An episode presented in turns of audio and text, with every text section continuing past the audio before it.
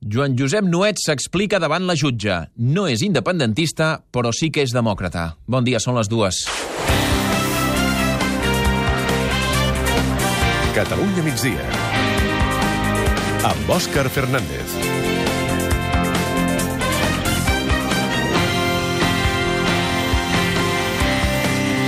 El diputat de Catalunya sí que es pot i membre de la mesa del Parlament, Joan Josep Nuet, ha declarat aquest matí davant la jutge que instrueix la causa per haver permès debats sobre el referèndum al Parlament i ha defensat que, tot i que no és independentista, considera que el que s'està jutjant és l'exercici de la democràcia. Nuet ha mantingut davant la magistrada que la ideologia de cadascú no interfereix en la seva feina a la mesa del Parlament. Evidentment, tothom sap que jo no sóc independentista, però aquest factor el faig valer al ple del Parlament, no a la mesa, on la tramitació de les resolucions no les votem o no les tramitem o les rebutgem en funció de si som o no som independentistes.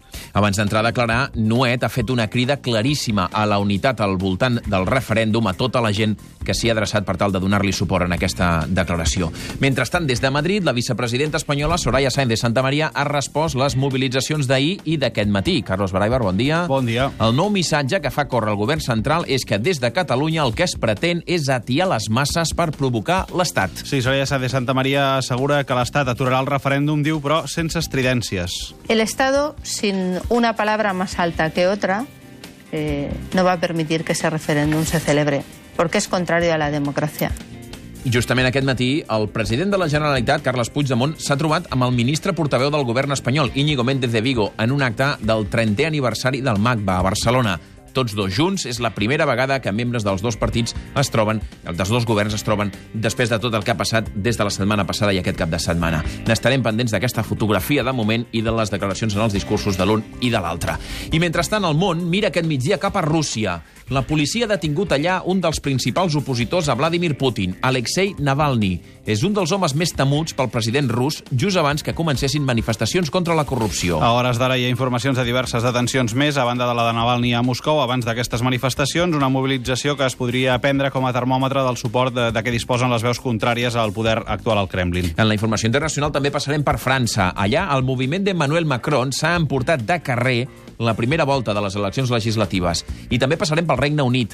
Allà la mala maró a l'interior del Partit Conservador marca un futur incert per la primera ministra, Theresa May. La primera ministra ho té difícil per fer front als seus crítics després de perdre la majoria absoluta que va heretar de David Cameron. I de tornada cap a casa nostra parlarem dels floristes de Catalunya que posen en marxa el segell Cultiu d'aquí per potenciar el consum de flors cultivades a casa nostra i lluitar així contra la llau de flors importades més barates d'altres països. Vilassar de Mar, Miquel Jarque, bon dia. Bon dia, Òscar. Flors i plantes importades que duren menys i que se'ns moren els 4 dies. És per això que el Mercat de la Flor i la Planta Ornamental, amb el suport de més de 300 empreses del sector, vol identificar les que es cultiven aquí. Aquesta iniciativa és la llavor del que aviat serà la primera denominació d'origen de flor i planta catalana.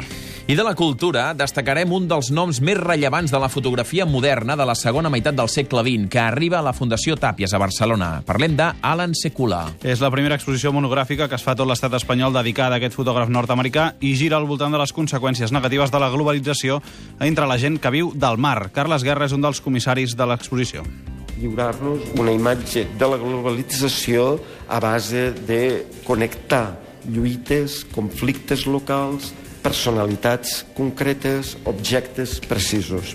De l'actualitat del territori, que arribarà quan passin 5 minuts de dos quarts, que és el més destacat avui a Lleida, Noelia Caselles. Doncs que l'aeroport de Lleida Guaire rebrà a partir de l'any de l'hivern que ve esquiadors suecs. S'ha tancat un acord per 5 anys que portarà a Lleida uns vols charter que fins ara operaven a Girona. Doncs anem precisament cap a Girona, Fèlix Martín. Bon dia, aquí parlem de medicina perquè un de cada 200 nois i noies d'entre 13 i 14 anys tenen, sense saber-ho, alguna patologia que els afecta el cor. Resultats que es confirmen després d'un estudi que han fet els últims 7 anys a Banyoles amb 1.700 joves i que ara es vol estendre aquest estudi a tota la regió sanitària de Girona. I acabem el repàs per Tarragona, Manel Sastre. Bon dia. L'Ajuntament de Tarragona vol municipalitzar la gestió de cinc llars d'infants de la ciutat. La mesura té el suport de totes les forces polítiques i farà que el curs 2018-2019 les nou escoles Bressol de Tarragona siguin gestionades directament per l'Ajuntament. I després de les notícies pròximes, quan faltin 20 minuts per arribar a les 3, serà el moment de l'actualitat esportiva. Robert Prat, bon dia. Bon dia. Amb Rafa Nadal, que aconsegueix una victòria més al seu palmarès, que el situa com el rei, si és que no ho era ja, de Roland Garros. Amb 10 victòries al torneig de París, mai cap tenista havia aconseguit 10 victòries en un mateix torneig del Gran Slam.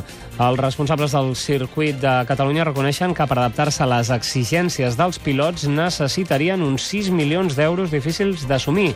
Als esports del Catalunya migdia explicarem també com es prepara el futur al Barça d'handbol després d'aconseguir la Copa i la situació de Jessica Vicius amb el Barça Bàsquet.